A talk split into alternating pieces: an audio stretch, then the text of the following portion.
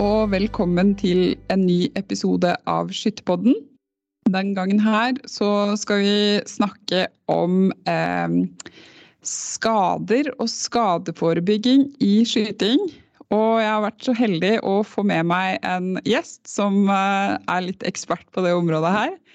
Hun er også skytter. Eh, Charlotte Tonvik, velkommen til Skytterpodden. Tusen takk. Du må presentere deg sjøl. Jeg tror eh, noen kjenner navnet ditt fra noen år tilbake. Du var en veldig god skytter, men vi har ikke kanskje sett deg på skytebanen så veldig mye den siste tida. Nei, det stemmer det. Det har blitt litt uh, dårlig med, med, skyting de siste årene, og spesielt etter, etter korona. Um, nei, altså jeg har uh, Jeg har jo flytta til Tromsø og jobber jo nå som universitetslektor på fysioterapiutdanninga ved Universitetet i, i Tromsø. Um, og uh, jobber klinisk ved siden av her i Tromsø.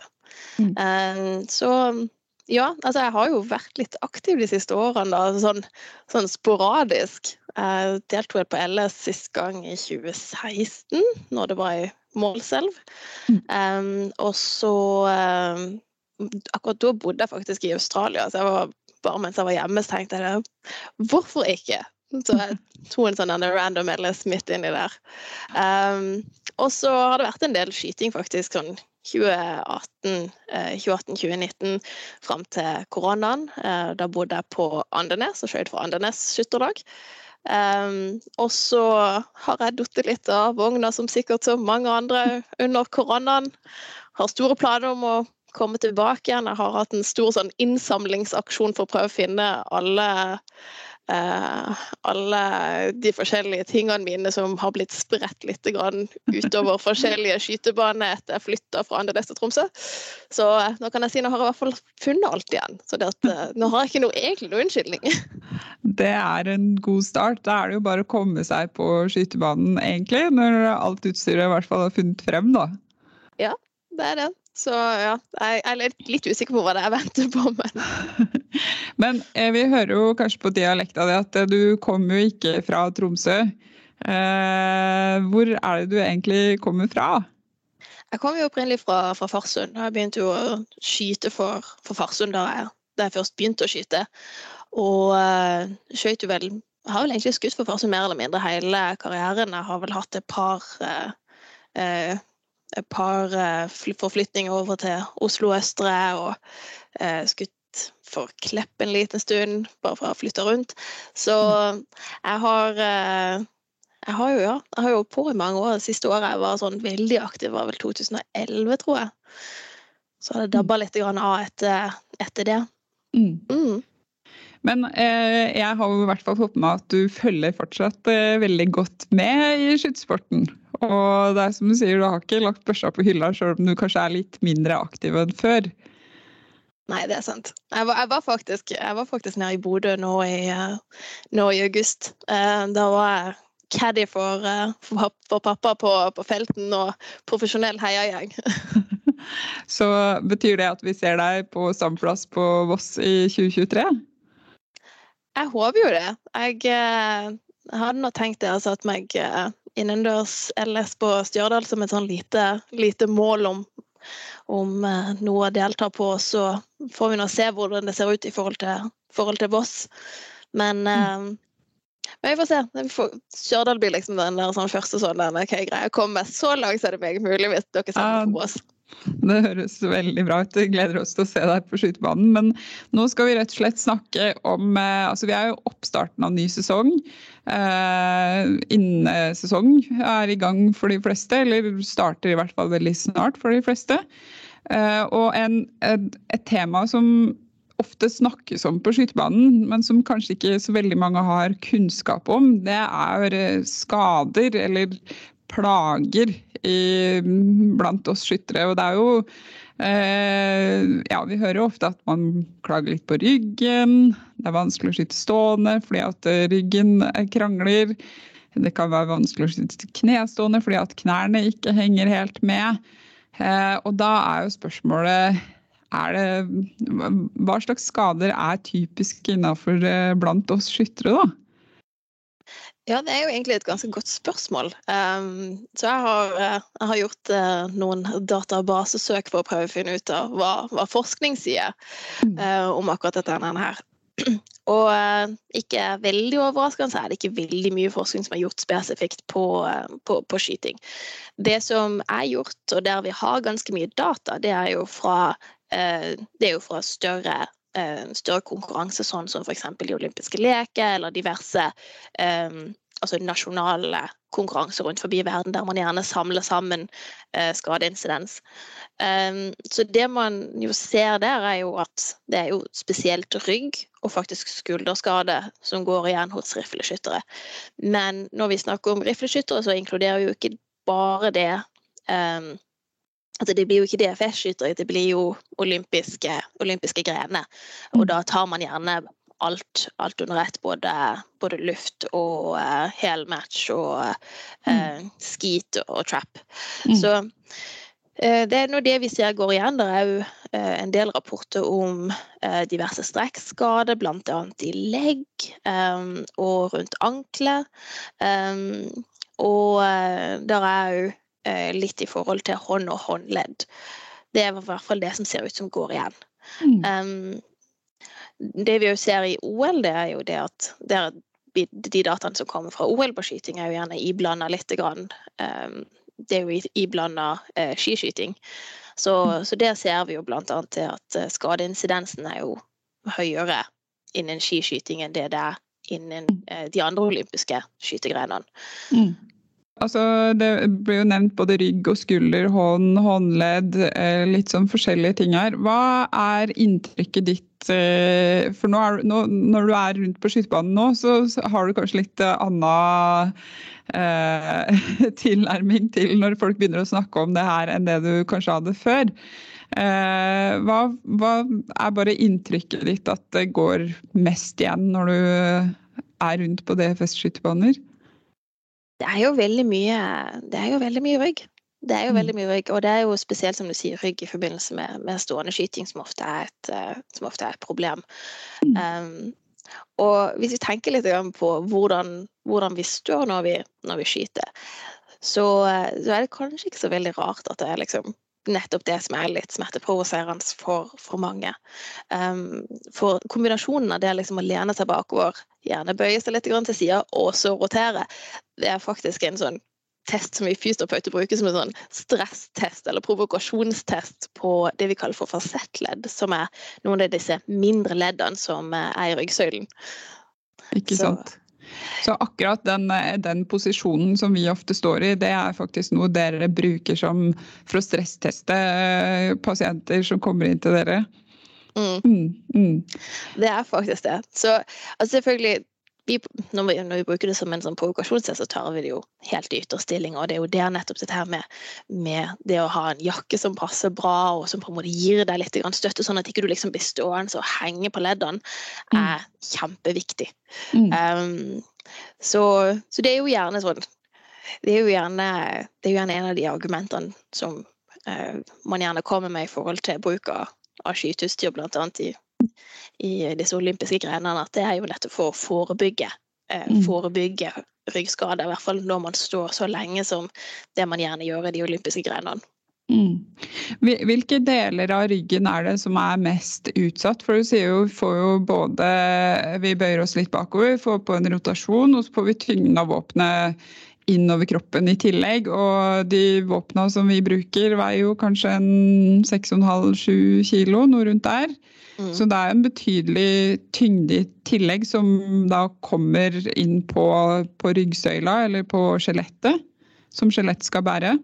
Er det øvre del, nedre del av rygg, hofter? Hva tenker du er mest utsatt der, egentlig? Både, både, forskningsmessig og sånn, hvis man bare tenker sant, hvor er det egentlig vekten havner hen, så mm. havner jo den for det meste nede i korsryggen, og spesielt i den nederste delen av korsryggen. Mm. Um, og det er jo eh, det er jo, eh, det er jo litt grann fordi at eh, det er der vi har mest bevegelighet, spesielt når vi tenker på det å lene oss litt bakover. For det er jo det vi er nødt til å gjøre når vi prøver å få våpenet nærme, nærme kroppen, sånn at vi ikke liksom tipper framover, eller liksom Mm. bli søkeren setter børsa framover. Så det blir jo på en måte en sånn automatisk kompensatorisk strategi at vi derfor vil legge oss litt bakpå, i hvert fall så godt som vi kan. Um, men, men det gjør jo da at belastninga havner hovedsakelig i, i korsryggen. Mm. Mm. Og eh, det er jo òg det vi ser f.eks.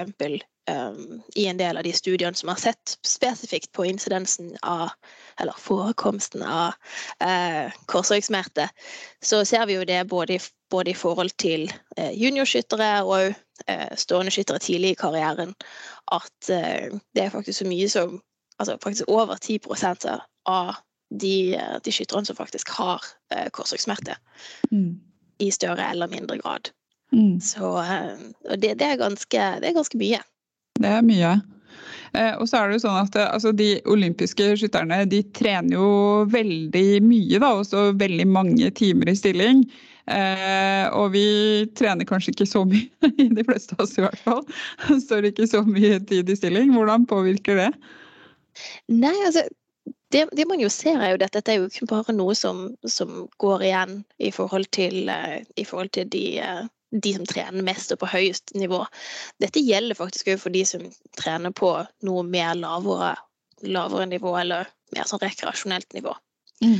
Um, og det, det handler nok litt grann om det at um, Det handler litt grann om det at uh, altså når, vi, når, vi tenker, når vi tenker belastningsplager altså, Som oftest disse typer ryggsmertene som vi ser, er jo ikke, det er jo ikke akutt innsettende plage. Det er jo gjerne ting som bygger seg litt opp over tid, Mm. um, og som gjerne er gjentagende. Um, og det er jo ikke bare liksom den belastninga som vi legger på ryggen på skytebanen, som har en påvirkning på risikoen vår for å utvikle korsryggsmerte. Men det er jo hva vi gjør ellers. Ja. Ellers i livet, liksom, hva slags type jobb man har, eh, driver man med noen andre aktiviteter i tillegg. Mm. Dette er jo ting som kan være med oss og påvirke hvor sannsynlig det er at man, at man utvikler korsryggsmerter. Mm. Um, men det er jo det er jo en del altså Hvis vi bare tenker på de sånn, generelle retningslinjene i forhold til, um, i forhold til belastning og belastningsstyring, Mm. så, så er det jo det at, at var, altså, variasjon er jo viktig. Altså det at Mm. vi på en måte, i hvert fall sånn som vi er nå, der vi liksom begynner egentlig innendørssesongen, begynner på'n igjen etter det å ha hatt eh, en måned eller to pause. Det er viktig at man på en måte tenker det at OK, nå skal vi ikke gå tilbake igjen og så på første trening liksom kjø- kjøre 20 skudd på stå, fordi at det var det vi gjorde rett før vi tok pause. Um, men at man på en måte tenker at OK, nå jeg to måneder ute, så liksom, ryggen min er kanskje ikke helt klar for å hoppe inn igjen i den samme belastninga med en gang. Mm. Så da er det kanskje viktigere å på en måte tenke OK, nå vil jeg heller kjøre kortere serie, gå helt ut av stilling, kanskje til og med ta noen skudd på kne og så opp igjen. Um, heller enn å bare liksom eh, tenke eh, jeg skal si, te- tenke praktisk og bare, bare liksom bli ferdig med én stilling først, da. Mm. Ja, da, for jeg, jeg tenker litt sånn eh, Jeg legger i hvert fall merke til for meg sjøl at når jeg står og skyter, så er det litt sånn Ja, men dette går over etter hvert. Så jeg bare fortsetter bare litt til, og så blir det bedre etter hvert. Men da kan jo skaden kanskje allerede være i ferd med å skje. Altså, som oftest er det jo ikke det at det er noe sånn store store skader, gjerne. Som oftest er de, de type belastningsplagene som man får i ryggen, er sånn at hvis du hadde tatt liksom et MR eller et røntgen, så hadde du stort sett ikke sett noe. Mm. Eh, for dette her er liksom ikke store strukturelle eh, skader på noen som helst måte. Mm. Men, ehm, men, men det er jo det at sant, vi altså Når vi snakker om dette, her, så snakker man jo om liksom, statistikk. og Man snakker jo liksom OK, hvor sannsynlig er det for at dette her kan, kan utvikle seg? Gjør man noe galt hvis man pusher seg litt? Nei, man gjør jo stort sett ikke det. Men gjør man det liksom dag etter dag etter dag etter dag, så øker jo risikoen for at dette her kan bli et større problem som, som varer lenger. Mm.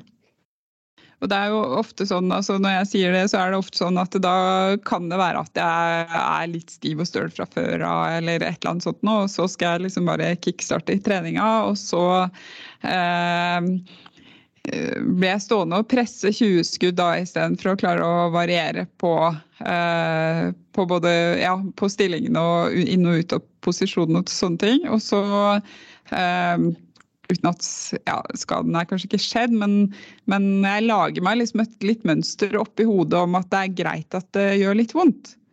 Mm. At eh, det er liksom Sånn er det bare. Og det er kanskje ikke Hvis man bare går med den eh, lenge nok, så danner man seg jo noen nervebaner oppi hodet òg som gjør at man bare fortsetter i samme mønster, samme mønstre, samme mønstre. Og gjør man det over lang nok tid, så tenker jeg jo at da kan det jo være litt verre i forhold til at eh, man får problemer som man kanskje ikke hadde trengt å få. Ja, altså det som, det som skjer i kroppen når vi har smerte, mm. um, det er det at faktisk de, de stabiliserende musklene som vi har, og dette gjelder både rundt, rundt knær, det gjelder spesielt i, i rygg-mageregionen. Det er de stabiliserende muskler som vi har, de er litt sånn smertesky.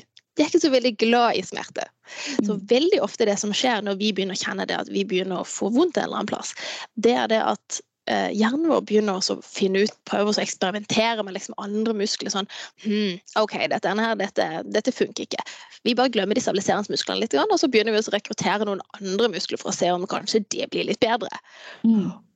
Da begynner, vi, da begynner vi, vi, som skyttere å tenke det at OK, hvis du nå begynner å leve litt i noen andre muskler som kanskje ikke er helt hensiktsmessig å være her, mm. så begynner jo kanskje vi å se det at kvaliteten på det vi produserer, eller det avtrekker kvaliteten på, på eh, eh, altså svaien når vi står. Alt dette her begynner liksom å dale litt. Grann. Mm. Og da er det liksom denne OK, går vinninga kanskje litt opp i spinninga?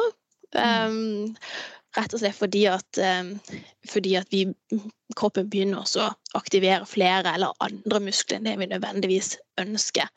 Mm. Og disse musklene har jo gjerne det er jo gjerne litt mer overfladiske muskler, eh, hvilke ikke har den samme evnen til å Eh, gi spesielt det vi kaller for segmentell stabilitet, altså det vil si stabilitet liksom mellom hver enkelt ryggvirvel.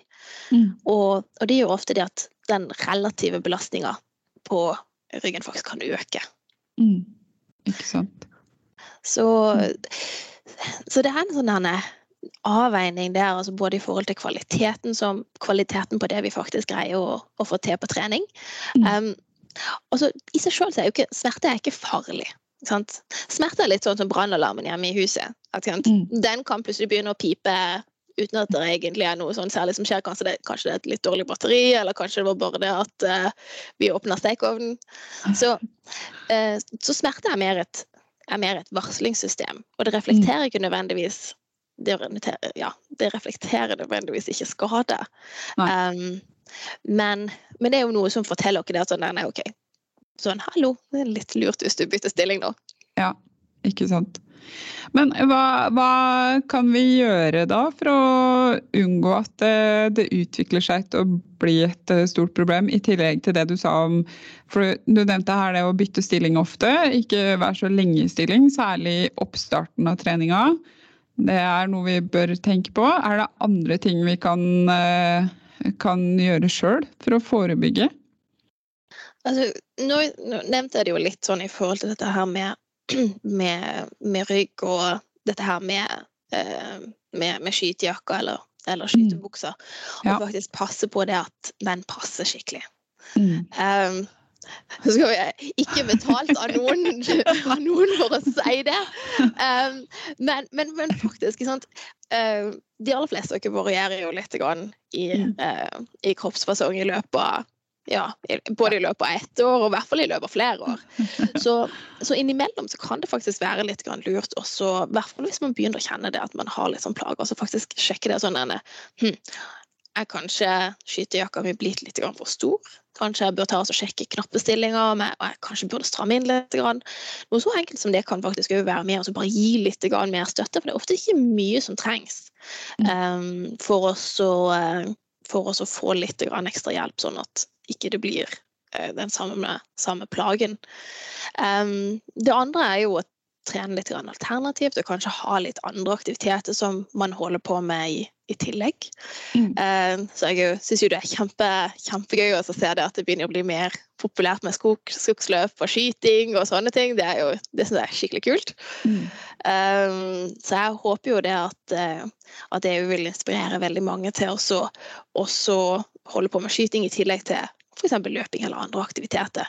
Mm. For, for, bare det å ha en aktivitetsvariasjon utenfor skytebanen, eh, trene litt styrke kanskje, jogge, gå turer mm. altså Hva enn man egentlig syns er kjekt å holde på med, har kanskje ikke sånn forferdelig mye å si hva det men bare det å ha et eller annet annet utenom òg er faktisk med på å bare gjøre at, um, gjør at aktivitetsmønsteret vårt blir litt mer variert. Mm. Mm. Ja, for jeg er jo eh, kanskje mer stillesittende nå i dag enn det vi var for 50 og 100 år tilbake.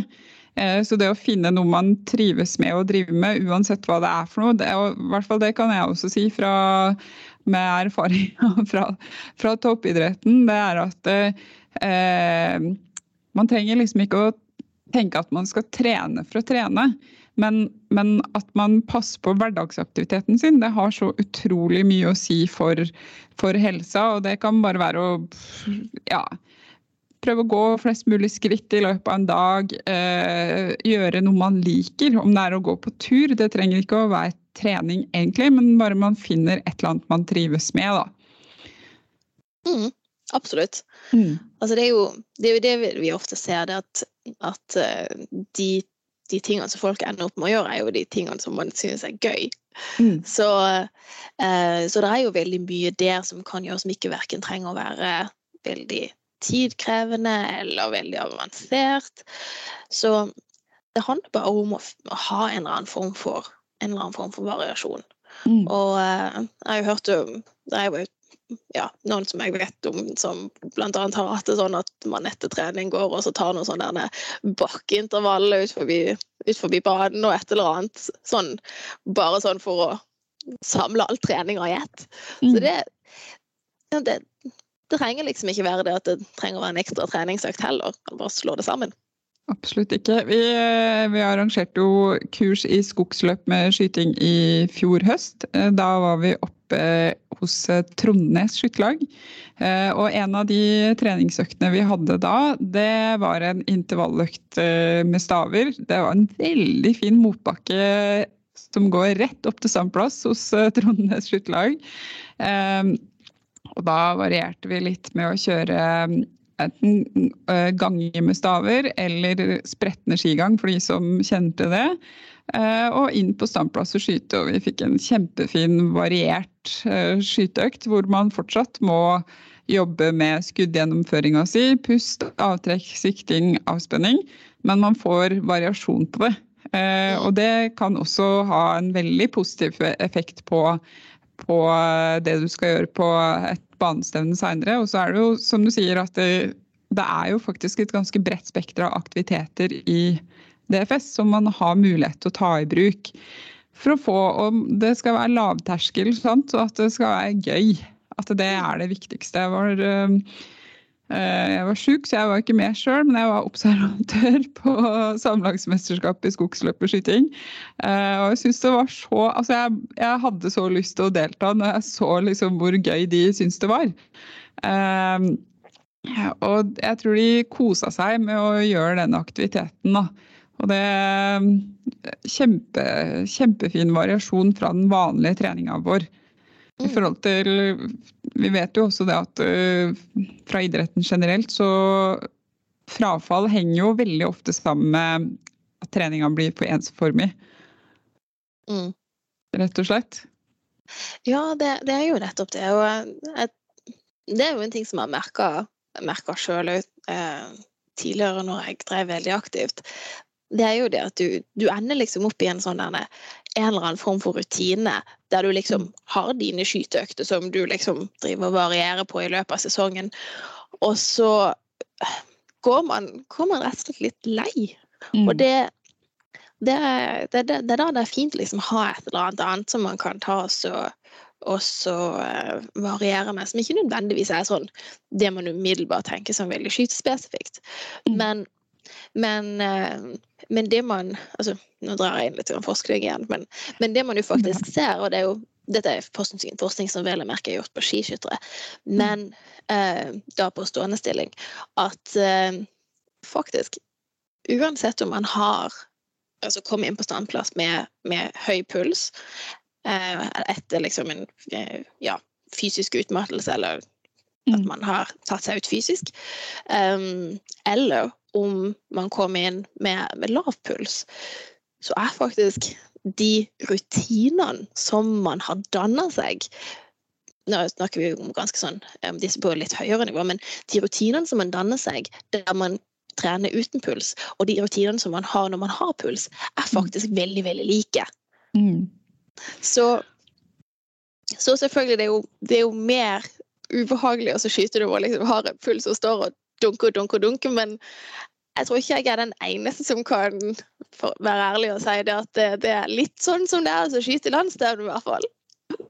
Det er jeg så glad for at du sier, for det, eh, det der har jo vært mitt mantra. Jeg som har jobba både i skyting og skiskyting, ser jo det, og det er kjepphesten min nå, at grunnferdighetene er de samme. Så kan det være litt detaljer på forskjell på liksom eh, selve skuddgjennomføringa hvor lenge du fryser pusten og hvor lang tid du bruker på å gjennomføre avtrekket.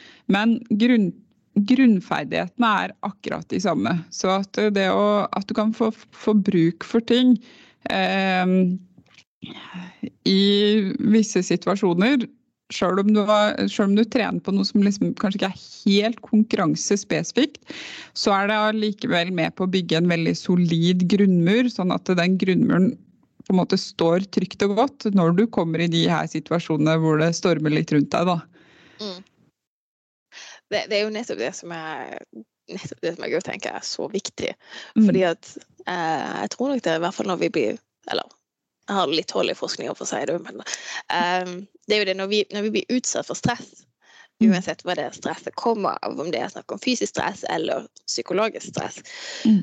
så det som på en måte sitter igjen, det er nettopp det, det som går på automatikk. Det som er automatisert. Og jeg tror nok det er derfor vi som skyttere vi, vi liker å jobbe med den der automatiseringa. Ja. Men problemet er det at vi må kanskje jobbe med den automatiseringa under litt sånn forskjellige eh, litt forskjellige, i litt forskjellige situasjoner. Mm. Fordi at hvis vi trener på de samme situasjonene hele veien, mm. så blir kanskje overføringsverdien litt, grann, eh, litt grann lavere når mm. man legger til andre faktorer. Mm. Så, eh, så jeg, jeg, tror nok det er altså bare det å variere med andre aktiviteter, enten mens du er på skytetrening, eller i forkant, eller etterpå. Jeg tror nok det har mye å si i forhold til bare den der hvis vi kan kalle det for robustheten som vi lager. Ja. Mm. Det det ja. Vi er helt enige på det feltet her, tror jeg vi kan være enige om også. Og, vi har mm. sett og det er jo også fordi vi har sett det i praksis, at, eh, at det har veldig, veldig mye å si. Mm. Mm. Der er, ja, der er, jo, det er jo en del forskning i forhold til dette her med um, uh, Altså, vi kaller det for motorisk kontroll, men det er veldig fancy ord for å si balanse i denne mm. sammenhengen. Ja. Um, og det handler litt om igjen, hva slags muskler det er vi, vi bruker i gitte situasjoner. Mm. Og det er her nettopp det med smerte kommer inn, for smerte kan være med og ødelegge litt i forhold til nettopp det å etablere et eh, det nettopp etablere et sånn Vi kaller det for motor pattern, eller sånn den igjen den rutinen som kroppen har i forhold til OK, nå skal vi ta oss, nå skal vi skyte, nå skal vi avlevere et skudd. Mm. Det vil si det samme som at vi nå skal gjøre dette og dette, og vi skal bruke disse og disse og disse musklene. Mm. Og det er jo der, ikke sant, dette her med det å trene med smerte kan være med oss å ødelegge litt i den etableringsfasen av dette mønsteret. Mm. For, for, det vi ser igjen, dette mønsteret, det er det vi repeterer om igjen om igjen. om igjen. Mm. Mm. Ser vi noe, eller Kan du si noe om eh, Er det forskjell på uh, vil, altså høyre-venstre side uh, i ryggen, holdt jeg på sagt, når du har høyre- eller venstreskytter? Er det en, en, en side av kroppen som er mer utsatt enn den andre? Eh, jeg har ikke funnet noe sånn i forskninga som, som, skulle tilsi det. Um, men man skulle jo altså sånn rent biomekanisk, uten at jeg har noe data som på en måte kan tilsi det, så er det jo den sida av kroppen som Altså, er vi høyrehendt, skyter sikte med høyre, så er det sannsynligvis høyresida som òg får en, en, mm. litt større trøkk. Um, I ryggen, vel å merke. Um, så kanskje i forhold til hvis man altså Nå har ikke jeg noe, fått noe data på eventuelt hoftesmerte, men, men, eh, men man kan jo tenke seg det at, at man kanskje da vil være mer utsatt for hoftesmerte på motsatt side, i hvert fall i en stående stilling. Mm. Rett og slett fordi at hofta på motsatt side blir stående med strekk. Mm. Men um, det kommer, ja, kom litt an på. Jeg har ikke noe data som egentlig skulle tilsi at uh, høyre eller venstre side skulle være mer, være mer utsatt, egentlig. Nei. Mm. Um, hva med skyttere som eh, skal begynne å skyte stående skyting, som fortsatt er i vekst? For det, man begynner jo kanskje å trene stående før man er eh, ferdig utvokst.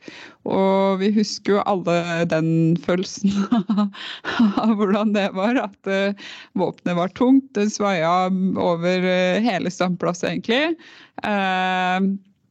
Og, det, og, for instruktør nå så kan det være ganske sånn krevende, fordi at uh, man vokser jo ikke helt symmetrisk, så arma, underarmen er lengre enn overarmen, Og, og, liksom få den her stående stillingen til å passe i hop, da.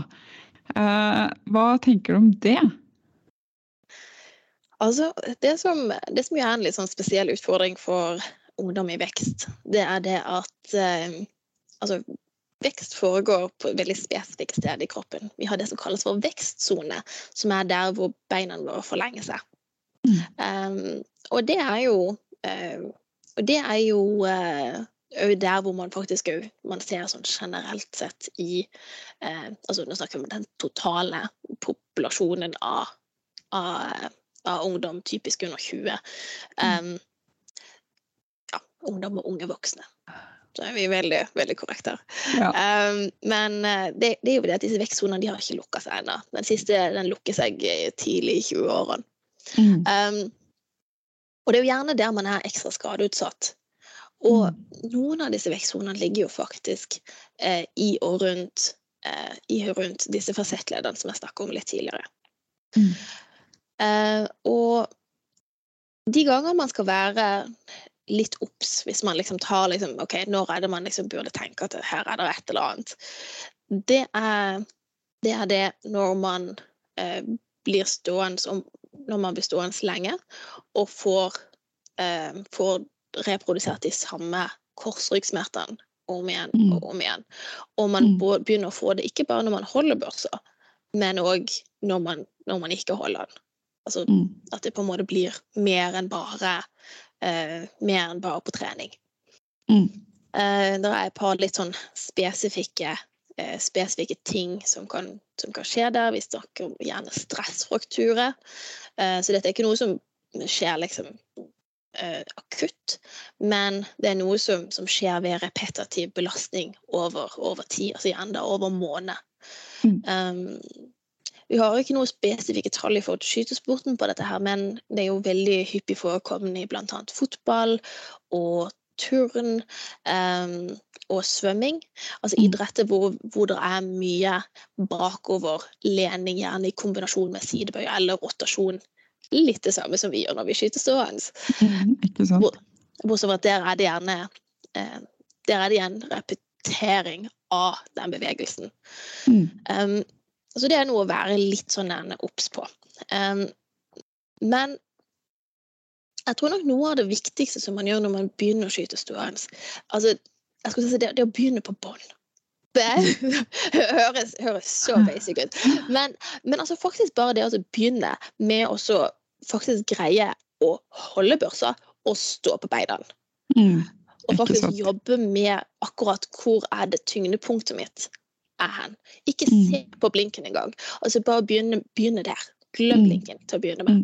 Mm. Og, og, det handler igjen litt om det at, at um, vi, vi, blir veldig topptunge når vi står med, med et gevær.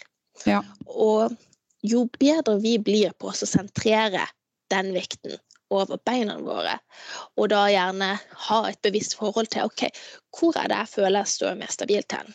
Normalt så mm. vil det være når vi har tyngde ganske midt under foten, kanskje litt mot hælen. Typisk. Og så eksperimentere litt med beinstilling. ikke sant? Ok, Føler jeg med beina står litt breit, føler jeg meg bedre når jeg står litt smalt? Og så prøve å finne ut av hvor jeg liksom hvor det jeg føler jeg står, og greier å faktisk holde kroppen min noenlunde i ro. Mm. For jeg tror nok jeg tror nok veldig mange kan spare seg ganske mye frustrasjon hvis man bare ikke ser på blinken til å begynne med. For det er som du sier, det at det kommer til å virre over hele standplass. Fordi at det er jo Når vi begynner å skyte stående, det er jo da vi begynner å, å nettopp lære oss egentlig et helt nytt bevegelsesmønster. Mm. Um, så jeg tror nok det å på en måte dele opp hele den oppgaven, og ikke tenke på avlevering av skudd med en gang, men kanskje heller tenke bare på å finne balansen. Ofte er det litt mer sånn motiverende plass å begynne.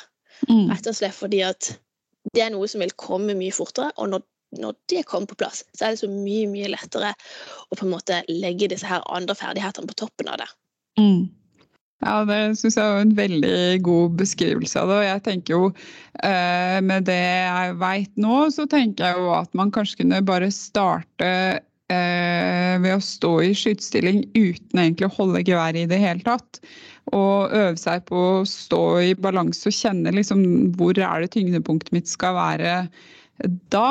Eh, men jeg må jo innrømme at jeg har gjort gjort som Jeg håper ikke bare jeg som har gjort det, men det er litt sånn, man setter skyttere i stående stilling, og så er det litt sånn Vondt skal vondt fordrive, så dette går fint. Og så fører jo det til veldig mye friksjon, da. Eh, både blant eh, Altså mellom instruktør og skytter. Og det er jo ikke den beste inngangen til å lære seg noe nytt, for det starter jo egentlig med en sånn veldig negativ opplevelse. Mm. Og det vil jo vi kanskje òg huske da til neste gang. også Istedenfor at vi får en veldig sånn positiv inngang og at det er gøy å lære noe nytt, så, så kan jo det også, en sånn type tilnærming kan jo også føre til, at, eh, til frafall. Fordi det blir ikke noe gøy hvis man ikke mestrer det veldig fort. Og det er jo veldig forskjellig. For noen mestrer det fort, og andre bruker lengre tid. Og det kan jo også kanskje knyttes opp mot, i hvert fall for ungdom, mot uh, vekst, bevegelighet, hva, som, hva, hva, kroppen er med på tåler, på en måte. da. Mm. Og det, det, er jo gjerne det, i hvert fall, altså, i hvert fall, uh, i hvert fall gutter. Uh, de begynner jo gjerne å skyte stående allerede mens de fortsatt er i en relativt signifikant høydevekst. Jenter er jo litt tidligere utvikla, så uh, jenter er gjerne ferdig med det meste av høydeveksten når man begynner å i hvert fall begynne å skyte eldre junior og, og sånt. Mm. Så, eh, så, så, det gjør jo òg det at liksom, det er kanskje litt lettere for, for, for, jenter, i og med at de er litt mer ferdig utvokst. Så det, det grunnlaget som man la, danner seg sånn til å begynne med, kan man da bygge på mye lenger kanskje enn hvis man fortsatt er i noe vekst og fortsatt har en forandring i kroppen. Mm. Men, eh, men jeg, jeg, tror jo òg det at jeg tror jo det at uh, vi må nok kanskje tenke litt på det at liksom, vi, vi, kan jo allerede, når vi kommer dit hen, levere mm. skudd. Mm. Vi, vi, mm. kan jo allerede basics. Vi kan avtrekke, vi kan sikting. Vi har liksom allerede en sånn viss form for uh, uh, følelse for dette her med liksom pusterytme, avslapping, dette her.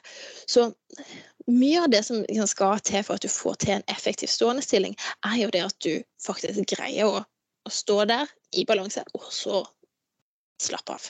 Mm. Og det er jo det at man må kanskje jobbe litt med nettopp det å faktisk bare finne ut av ok, hvor er det egentlig jeg skal stå hen. Fordi mm. vi er, vi er alle sånn anatomisk bygga veldig forskjellig. Og det er jo mm. derfor det er sant, Man kan liksom ikke stå, på, stå og se på sidemannen og så ja, men han står sånn, så det er sånn vil jeg òg stå. Det, kanskje, kanskje det ikke, det ikke passer for deg. Mm. Ja, Det er veldig viktig å huske på også, at, eh, og det prøver vi å påpeke. Nå skal vi jo snart ut og holde masse instruktørkurs eh, utover.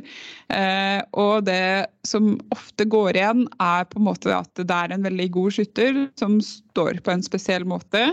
Eh, og så er det fort gjort å tenke det at ok, ja, men da, da Det må jo være lurt å gjøre det, fordi at eh, han eller hun skyter jo så bra. Så det må jo være en super stilling. Eh, men det er jo ikke alltid sånn. Så at vi prøver å lære bort det at det, Prøve å følge de helt grunnleggende prinsippene.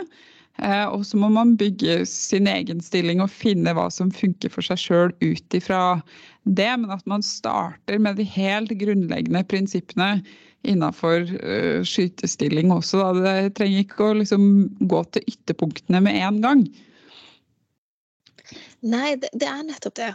Og um, det, det, er jo, det, er jo, sånne ting som du, du, nevnte litt innledningsvis på dette her, at ja, noen, har, noen, har, veldig lange armer, noen har veldig lange bein. Um, vi kvinner har jo litt bredere hofte, så vi har jo egentlig en sånn veldig fin bokhylle vi kan ta oss og stable albuen oppå. på. Mange nok i hvert fall. Så mm. ikke sant, altså, det er en hel haug med variabler um, som, som, de, som, egentlig dikterer hva som, hva som blir vår optimale, optimale mm. skytestilling. Mm. Og, og, eh, jeg tror nok det er jo sant, at altså hvis, man, hvis man klarer liksom å danne seg en sånn steg for steg-prosess i forhold til det å bygge, bygge en skytestilling, der man, der man kan, der man bare glemmer blinken til å begynne med, men bare jobber med det og så, og så finne ut av hvordan kan jeg stå som er komfortabel. Hvordan kan jeg stå for å prøve å finne ut av hvor er det jeg slapper av hen? Hvor klarer mm. jeg å stå uten at jeg har for mye ubehag? Det er liksom Det er der vi, det er der vi bør begynne. Sånn mm. både forebyggingsmessig i forhold til det å prøve å tvinge oss inn i noe som vi, kroppen vår ikke passer til. Mm. Um, men òg i forhold til det å som du sier, faktisk ha det som en litt mer sånn motiverende og positiv prosess. Mm. For jeg, jeg, må jo si det, det var en tid tidligere spørsmål. Jeg koste meg da jeg skulle begynne å skyte stående. Jeg, jeg, jeg, hadde jo um, um, Jeg hadde jo uh, litt hjelp av, av trenere og sånn til å, liksom, å, å bygge den ene stillinga. Mm. Um, men jeg husker liksom det jeg syns det, liksom, det, var så gøy å liksom stå sånn der OK, nå prøver vi litt smalere, nå prøver vi litt bredere. Jeg hadde liksom, jeg hadde sånn der målestokk der jeg liksom drev og så plasserte føttene mine på ulike måter for å prøve å finne ut hvor jeg står litt bedre her, hva hvis jeg gjør sånn, hva hvis jeg dreier foten litt utover. Mm. Og det har på en måte gitt meg ganske mye, eller det ga meg ganske mye seinere, fordi at jeg, had, jeg fikk liksom en fornærmelse av det at OK, dette er sånn som det funker å stå vanligvis. Hvis jeg blir veldig stressa eller har veldig, stor, veldig, veldig med puls, så må mm. jeg kanskje rotere foten min litt mer utover. Mm. Mm eller innover, for da mm. liksom å stå mer stabilt. Så det, mm. så, sånne småting fant jeg liksom ut av i den prosessen. Og mm. det, det, er derfor, det er derfor det er ikke så lurt å bare ta den der copy-paste-veien, fordi at du misser ut på så mye verdifull trening og så mye liksom, verdifull eksperimentering mm. um, på, på, veien mot det å bygge en, eh, bygge en bra ståstilling. Det er jo veldig mestringsfølelse når du klarer å på en måte finne ut av de tinga her sjøl, fordi du er rett og slett så nysgjerrig at du tør å prøve. Og jeg, ja. jeg, tror, jo, jeg tror, jo, kanskje det at uh, for at man skal uh, for at man skal tørre å være nysgjerrig og prøve, mm. så tror jeg jo vi må glemme blinken. Vi må, mm. vi, må, glemme liksom denne, det resultatet som kommer i den enden. Ja. Og det, Veldig enig. Vi har veldig lyst til å skyte tiere alle sammen hele tida. Men, men for, for, å gjøre det, så må vi jo på en måte finne ut av ok, hva er de grunnleggende ferdighetene som jeg er nødt til å ha for at jeg skal få det til. Mm. Mm. Så, og det å kanskje skyte på blank skive, et eller annet hvor man ta fokus litt vekk fra akkurat bare resultat, resultat, resultat. resultat. De resultatene de kommer de når du får jobba og, og, og, du mestrer de ferdighetene du trenger å mestre. Så kommer jo de poengene etter hvert. Ja, de gjør det. Mm. De gjør det. Og, ehm, og jeg, eh, jeg, jeg, tenker jo det sånn i forhold til de, de trenerne som skal ut og, og instruere instruere skyttere som skal opp på stående. Mm. Enten det er eh, de som skal opp i klasse tre, eller, eller, om det er de som skal eh, opp i eldre junior, mm. så, så, tror jeg nok det at eh, det er mye verdi i det å bare prøve å ta, eh, ta disse skytterne litt til side og bare og prøve å snakke med dem om det. At nå, nå prøver vi. Mm. Nå, nå, nå, prøver vi dette her i dag. ikke sant? Mm. Tenker ikke på resultatet, mm. men vi prøver liksom å tenke heller prosess. Mm. Um, og i forhold til, det å kommunisere, hva er det som Altså, hva er det smerte og ubehag egentlig, egentlig er? Så tror jeg nok den der brannalarms brannalarmsanalogien kan faktisk kan brukes, fordi at det er jo det, sant? når vi prøver noe nytt, mm. så kommer jo kroppen til å være litt mer sensitiv overfor det at sånn, dette her, dette har ikke vi gjort før. Mm. Dette, dette, er litt uvanlig. Hva er dette? Um, men, uh, men at man kanskje heller skal uh, prøve å tenke på det sånn OK, når kroppen sier fra på det viset, så, så kan vi prøve å endre litt. Eller vi kan prøve å igjen jobbe prosess, tenker jeg. Mm. Klarer vi også tweake dette her på en eller annen måte, sånn at det kjennes litt mer komfortabelt. Um, og så, um, og så uh, prøver vi også å få en fornemmelse av hva er det som er uh, smerte som vi trenger å bekymre oss over, og hva er det som ikke er det. Mm. Ikke sant? Tenker, altså, som fysioterapeut, eller det er vel jo ganske vanlig i medisinen, så tenker vi liksom på en sånn null til ti-skala. Der hvor null, mm. det er ingen smerte i det hele tatt. Ti, verst tenkelig smerte. Sånn må mm. på sykehus-type smerte. Mm. Så når vi f.eks. driver med rehabilitering, så, så har liksom forskning vist det at hvis det er snakk om eh, man, har, man kjenner noe, det kan kanskje være én eller to eller tre på den skalaen, som er sånn at mm. OK, man kjenner sånn den ah, det er et eller annet, det er litt ubehagelig, men man vil ikke nødvendigvis kalle det for smerte. Mm. Så sant det ikke den smerten eller det ubehaget vedvarer etter man er mm. ferdig med aktiviteten, mm. um, så er vi liksom på, på ganske sånn trygg grunn. Mm. Um, så, så, det kan være en måte kanskje også å prøve å kommunisere med, med, utøvere på og spørre ok, hvis vi tenker ikke den her 0 til 10-skalaen, du sier det at det er vondt eller det er ubehagelig. Hvor vil du ta oss og legge det hen? Mm. Veldig bra tips. Jeg tenker jo at Det jeg også drar ut av det du sier nå, er jo dialog. At det, både skytteren og instruktøren er innstilt på å ha en åpen dialog. Det er ingen som sitter på fasiten helt fra starten av. Og at man er nysgjerrig på eh, hvordan man skal komme seg eh, til på en måte målet, da, som er å stå i ro uten, uten smerter og kunne skyte, skyte, godt og ha gode opplevelser. Men det, det, starter jo ikke der. Det må starte med en eh, gjensidig og nysgjerrig dialog mellom, mellom skytter og instruktør. da. Ja, jeg tror nok mye, mye kan, kan, begynne, i hvert fall der. Og jeg mm. tror nok òg at um, jeg tror nok der er det Eh, mye verdifullt i bare det å ha liksom, noen andre å prate med. For mm. jeg, jeg, tror jo det at vi, vi veldig ofte kan, eh, kan, bli litt sånn denne Ja, man kan føle seg litt sånn aleine. Men hvis man, hvis man, greier i hvert fall å få til et samarbeid, og gjerne samarbeider flere sammen mm. Si f.eks. man er i et lag der man er flere som er i samme situasjon, så det er flere som skal opp og stående.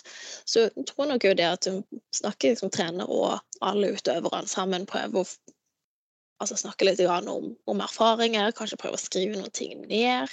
Mm. Um, og kanskje for seg sjøl prøve å lage seg sjøl noen sånne notater. OK, i dag så prøvde jeg å gjøre litt av dette her. Det kjentes mm. ikke veldig behagelig. Mm. Um, sånn at man på en måte har en liten sånn logg på OK, jeg har prøvd dette. Dette funker bra. Jeg har prøvd mm. dette. Dette funker ikke fullt så bra. Um, for, for da, da, får man et litt mer sånn bevisst forhold til det, i stedet for at man liksom prøver å pushe seg inn i en sånn A4-mal eller, eller, en boks, hvis man kan kalle det det, da, um, ja. som er den sånn ja, sånn, sånn, sånn, som naboen står og skyter, eller sånn som det står i, i, i, i liksom en eller annen form for uh, ja, skytebok eller guide. at sånn, ja, sånn, Her skal den ideelle ståstillinga være. Mm, mm. Så, så, jeg tror nok veldig mye skadeforebygging ligger, ligger der. Det å tørre mm. å være nysgjerrig. Ja, Veldig, veldig enig i det du sier der. Så nå, her kommer det mange gode instruktørtips i tillegg til hvordan få god flyt i flyt i instruksjonen og flyt med utøveren og i en gruppe, da. Så det håper jeg dere noterer, dere som hører på. Eh, men Charlotte, jeg har lyst til å spørre om en ting til. Og det er eh, hva med knær og kneskyting? Kan du mm. si noe om det? Ja, det kan jeg si veldig mye Uh, siste året mitt som, som juniorskytter skøyt jo jeg sittende. Um, påska Ja, det var vel påska Nei, var det Jeg husker ikke om det var første eller siste året faktisk. Jeg lurer på om det var kanskje første. Men jeg Mm. hadde liksom brukt liksom hele, hele vinteren og høsten på liksom å trene opp en knestilling som jeg var liksom wow, kjempefornøyd. Super, uh, følte meg satt, satt godt og stabilt. Kom til påska, uh, sto på snowboard. Fikk en vridning i kne, meniskskade. Kneet mitt hovna opp som en ballong. Mm. Eh, og det var jo selvfølgelig høyre kne, Ja. så jeg kunne ikke få nok bøy i det kneet til å så sitte på, på vanlig kne. Det gikk ikke. Mm. Um, og jeg tror nok det er kanskje noe noen andre kjenner seg igjen i. Man finner på et eller annet, og så hovner kneet opp, og så bare går det ikke. Mm. Og det er jo det, er jo, det, er jo det som er et av, eh, de utfordrende tingene, spesielt med, eh, med den foten vi sitter på. Mm. At vi er faktisk veldig avhengig av at vi ha, kan ha full bøy i det kneet. Mm. Um, og det, det er faktisk ganske lite hevelse som skal til i kneet før, før det faktisk ikke er mulig, eller før det begynner å bli smertefullt. Mm. Og det, det er jo en, en, kjempe, en kjempeutfordring. Mm. Um, det jeg det kan si sånn på, på generelt grunnlag, det er jo det at eh, Det er jo det at eh, Altså, kneleddet vårt Vi tenker liksom på kneleddet som ett ledd, men kneleddet er egentlig tre ledd. Du har liksom både liksom det leddet som bøyer og strekker seg. Mm. I tillegg så har du en eh, Der kom en kollega. Um, I tillegg så har du òg et ledd mellom eh, leddbein, leggbeina dine. Mm. Og så har du òg et ledd mellom kneskjellet Mm. og lårbeinet. Så det er, det er tre ledd. Mm. Um, det, det man har sett sånn, sånn i, i forskninga, er jo det at sånn Hvis man tenker kne på, på lang sikt, så har ikke Mm. skyttere noe økt risiko for å utvikle noen form for slitasje i kneet eller noe sånt eh, målt opp mot, eh, eh, målt opp mot gjennomsnittsbefolkninga. Mm. Um, så det er en relativt liten studie, men, men likevel det er i hvert fall noe som tilsier at vi, vi står ikke i fare for å eh, få noe mer slitasje på kneet enn Mm. en det, det andre i gjennomsnittsbefolkninga får. Mm. Um, men det som, um, det som man jo ofte kan ta og tenke litt på hvis man enten har hatt en kneskade eller har litt hevelse i kneet som enten ikke vil gå bort, um, det, er jo, uh, det er jo det at man må nok ta en alvorlig vurdering på om man faktisk skal skyte sittende. Mm. Um, I en kortere eller en lengre periode. Mm. Um, mange tilfeller så tror jeg nok det vil være en god idé å oppsøke fysioterapeut. Mm. Jeg det, jeg er fysioterapeut sjøl, så det er veldig lett for meg å si. Um, Mm. men, um, men, um, men det er jo en årsak til at den, den hevelsen er der. Og Mm. årsakene er ganske mange, og de varierer jo i forhold til hvor gammel personen er. Mm. Um, man, man ser jo det spesielt mot disse her V55-skytterne og sånt. Det er noen av de som, eh, som begynner å kan få litt grann, eh, slitasje, gikt eller noe sånt i, i kneet. Mm. Eh, så det kan være en faktor. Eh, mens for den yngre befolkninga så er det jo gjerne mer diverse overbelastningsskader. Det kan være alt ifra eh, det kan være alt ifra meniskskade, det kan være slimposebetennelse. Mm. Det kan jo være sånne ting som f.eks. Eh, bratellofemoralt smertesyndrom, som det jo heter. Men Mm. det er en, eh, en smertetilstand som, eh, som ligger mer rundt, rundt kneskjellet, og som ofte assosieres med at man, man, man får eh, litt ekstra hevelse i, i kneet. Mm. Um, det man kan prøve å gjøre, altså en egne tiltak, Mm. eh, det er f.eks. det å faktisk gjøre altså gjør noe bøye-strekke-bevegelse som ikke involverer nødvendigvis full bøy eller full Mm. strekk, Mm. um, og gjerne uten virkebelastning. Så det Mm. vil jo si det samme som at nå skal ikke jeg si det at alle skytterlag burde ha en, en, eh, sånn ergometersykkel eller en treningssykkel stående utenfor, men, eh, men eh, faktisk det å sykle litt grann i forkant kan Mm. faktisk være en, en fin måte for å prøve å redusere den, hvis det er snakk om litt grann hevelse. Mm. Um, men det er jo veldig individuelt, da. Og Mm. um, jeg tror nok det at de aller fleste, hvis man har problemer med, eh, med knestilling, så burde man nok eh, prøve å se om man kan få noe hjelp for det. For Mm. det at um, Altså, det er jo ikke noe som oppstår sånn helt uten videre fordi kroppen syns at denne her var en kjempeidé. Mm, mm. Så rett og slett oppsøke en, en fysioterapeut eller noen som har uh, ordentlig god peiling på knær, og, og kanskje prøve å finne ut hva, hva er den underliggende årsaken til at det, at det er problematisk å skyte på kne. da. Ja. Det, det, kan, det er en, i hvert fall en ting som vil hjelpe oss å snevre inn både hvor lang tid man trenger å uh, måtte bruke på å bekymre seg over det, Mm. uh, men òg men òg hvis det er et eller annet underliggende som, som trengs å tas tak i, så, så kan man jo oppdage det. Mm. Så kan man jo oppdage det tidlig. Og det andre er jo rett og slett det å faktisk vurdere om man eh, skal skåne kneet litt grann, og skyte sittende istedenfor. Mm. Mm. det, det, de, de tingene som jeg kan si sånn med en gang, er jo gjerne det at eh, de som har mer altså de som allerede har liksom en kjent kneskade, som Mm. jeg har en meniskskade, Mm. de tar vanligvis en sånn seks til ni måneder å rehabilitere. Mm. Har man fått en, eksempel en korsbåndskade, så tar det ni til tolv måneder. Mm. Um, så det er liksom en gang man har noe, eh, hvis man har noe båndskade, så, eh, så vil jo det i hvert fall være en sånn ganske sånn klar indikasjon på at ok, jeg, jeg kan også skyte, men jeg er nødt til å sitte skytende, eh, skyte sittende i i en liten periode. Mm. Um, på nok noen måneder. Mm. Um, og i hvert fall når det begynner å nærme seg et år, man tenker seg at man er nødt til å rehabilitere det, så vil det jo Mm. faktisk være, være verdt òg, ikke sant. Er det, er, det, er det et problem som man liksom tenker seg kan løses i løpet av en måned eller to?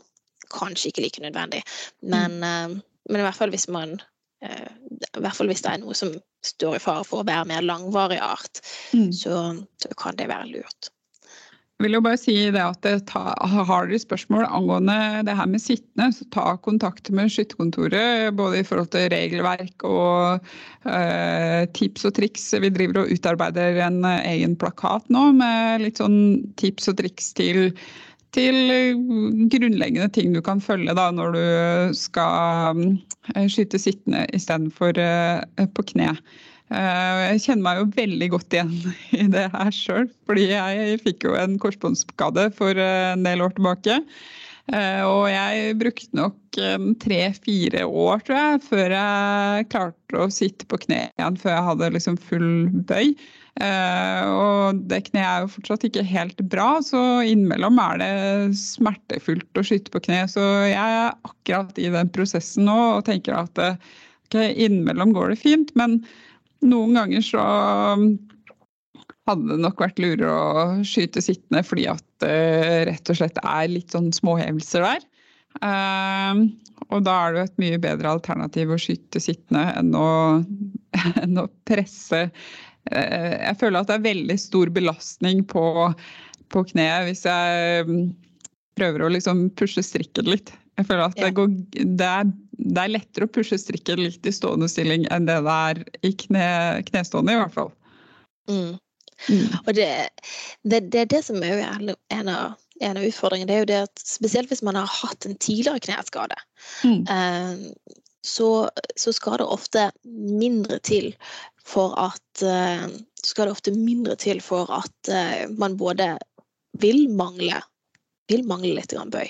Mm. For sånn på, på generelt grunnlag så kan jeg jo si det igjen, jeg er ikke, jeg er ikke kirurg, men um, ut ifra det jeg vet i forhold til f.eks. korsbåndskade, operering av, av de og meniskskade, så, så er det det at det viktigste, og det viktigste for oss som fysioterapeuter, det er det at man får full strekk. Mm. For det er det som har mest å si i forhold til dagligdags funksjon. Mm. Hvis ikke man har full strekk i kneet, så blir bruk av kneet i stående og gående veldig tungt og veldig vanskelig. Mm. Um, så vi prioriterer alltid full strekk. Og det er jo der vi som skyttere er litt grann, uh, sære, fordi at i hvert fall i det kneet, eller den, den, foten vi sitter på, så trenger vi faktisk full bøy. Mm. Så, eh, og når de, og det, det har òg å si med hva slags, um, hva slags forventninger man har etter, etter et kirurgisk inngrep. Så stort sett man, man har som mål å få full strekk, men man har ikke som mål å få full bøy. Mm. Ikke sant. Så det, det, er en sånn ting som er, er greit å ha litt i mente, i hvert fall hvis man, hvis man, har vært så uheldig at man har funnet på et eller annet, og at man har måttet inoperere. Uh, hva nå enn det skal være, om det er en uh, kneprotese. Eller om det er snakk om en korsbåndsoperasjon, at uh, man kanskje ikke kan forvente det, altså få, få full bøy igjen etterpå. Mm. Um, og, og, det er jo noe som man kanskje bør ta inn i den vurderinga når man tenker seg om OK, jeg har lyst til å fortsette å skyte, men, øh, men uh, kanskje det er litt smartere og kanskje litt tidligere tenke at man skal tenke uh, Kanskje jeg faktisk lyst til å sitte nede. Mm, mm. I forhold til altså hvis man ikke har noen skader i kneet og sånne ting, da, men allikevel kanskje opplever litt uh, ubehag. Det kan jeg jo oppleve sjøl, fordi at uh, man er kanskje Altså jeg kan oppleve ubehag fordi at hofteleddsbøyeren er uh, stram og nedover i, på fremsida av låret er veldig stramt og sånne ting, og da kan det kjennes litt ubehagelig ut. Men det er jo på en måte ting jeg opplever går seg til når jeg faktisk får sitte litt i stilling, da, fordi at det tøyer muskulaturen litt også. Mm. Så samme med tilpasning. Starte litt forsiktig kanskje, og ikke sitte så lenge av gangen. Ja, det, det, er et, det, er jo en ting som er ganske, ganske lurt igjen. Det er jo samme mm. prinsippet som, som med storansatt. Uh, at man kanskje heller tar, tar litt hyppigere pause. Mm. Og det jo det er sånn der, ja, ja, det, det, det sabler knotete og så ut og inn, ut og inn, ut og inn i disse stillingene. Men det er jo det at det er jo mye trening i det, og det er jo det som er, det er, det som er en av de tingene med, med, DFS. Det er jo nettopp det at vi, vi bytter skytestilling. Mm. Og noen ganger ganske fort. Mm. Og ikke til grunnlag. ikke sant? Mm. Så den ut og inn, ut og inn av stillinga, det er sånn Ja, det er mye gøyere å bare sitte der og bare Magasin etter magasin. Mm. Men, uh, men det er veldig, veldig mye trening i nettopp mm. det å, å gå inn, gå ut av stilling og prøve å finne den gode stillinga igjen. Greie å slappe av. Um, og, og, og det, det, det, tror jeg uansett liksom, både i forhold til skadeforebygging, men òg i forhold til det å faktisk etablere en god skytestilling, så er det mm. tid som er eh, velbrukt. Vel både for det ene og det andre. Vel mm. anvendt tid. Ja. Og jeg tror nok jo det er mye det du sier, at, den, den knestillinga som vi har når, når, er en ellers er det vi sier det sånn som det der. Jeg, det er kanskje noen håndverkere som har en tendens til å innta en litt lignende stilling, men de aller fleste andre oss, Vi sitter jo ellers aldri sånn. Nei. Så i hvert fall ikke med en, en 6-7 kilo stabler på toppen av stabler på toppen i tillegg. Så, um, så det er nok som du sier, at det, det å faktisk bare ta seg litt tida og heller jobbe med seg sjøl. Med å prøve å bare greie å slappe av i stillinga. Mm. Um, en av de tingene som jeg alltid tenker liksom, når, jeg, når jeg setter meg ned på kne, det er sånn der, jeg kaller det for Prosjekt potetsekk. for det er, det er, Bra navn. ja. ja. Nei, det, det, er faktisk det jeg driver og forteller meg sjøl. Mm. Prosjekt potetsekk. Mm. Men, men det, er, det, er, det, litt det konseptet at når du setter deg ned, på kne eller sittende eller hva enn, så, mm. så er det mye det at du må bare altså Er balansen der den skal være, og du greier å balansere børsa godt, mm. så er det bare å sitte der. Mm. Det er liksom bare å være en potetsekk, tenke potetsekk, mm. mm. bare være der.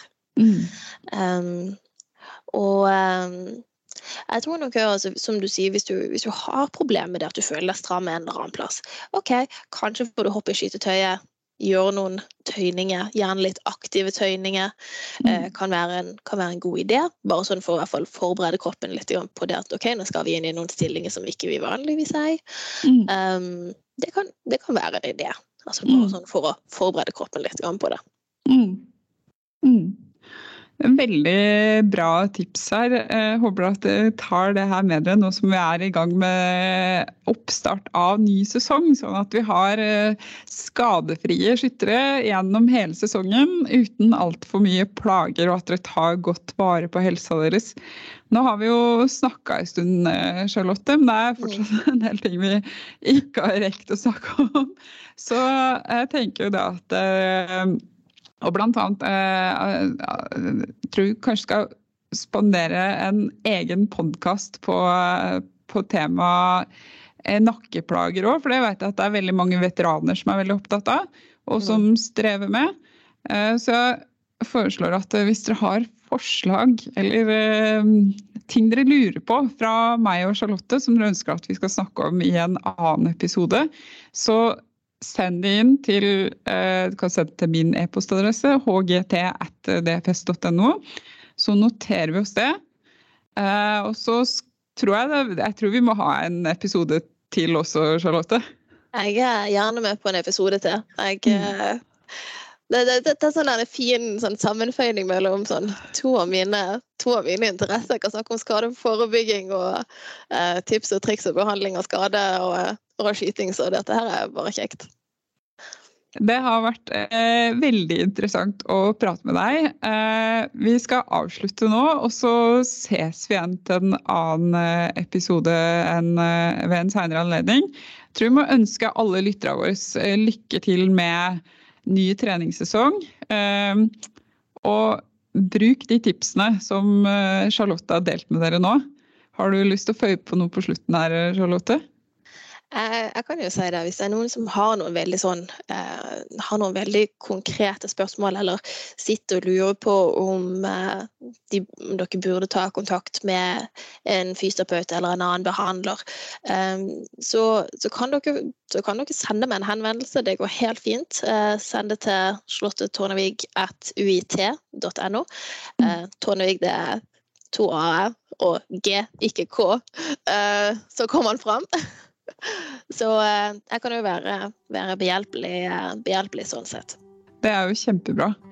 Da må vi ønske alle lyttere eh, lykke til med treningssesongen. Og så snakkes vi igjen veldig snart. Takk for i dag. Ha det bra.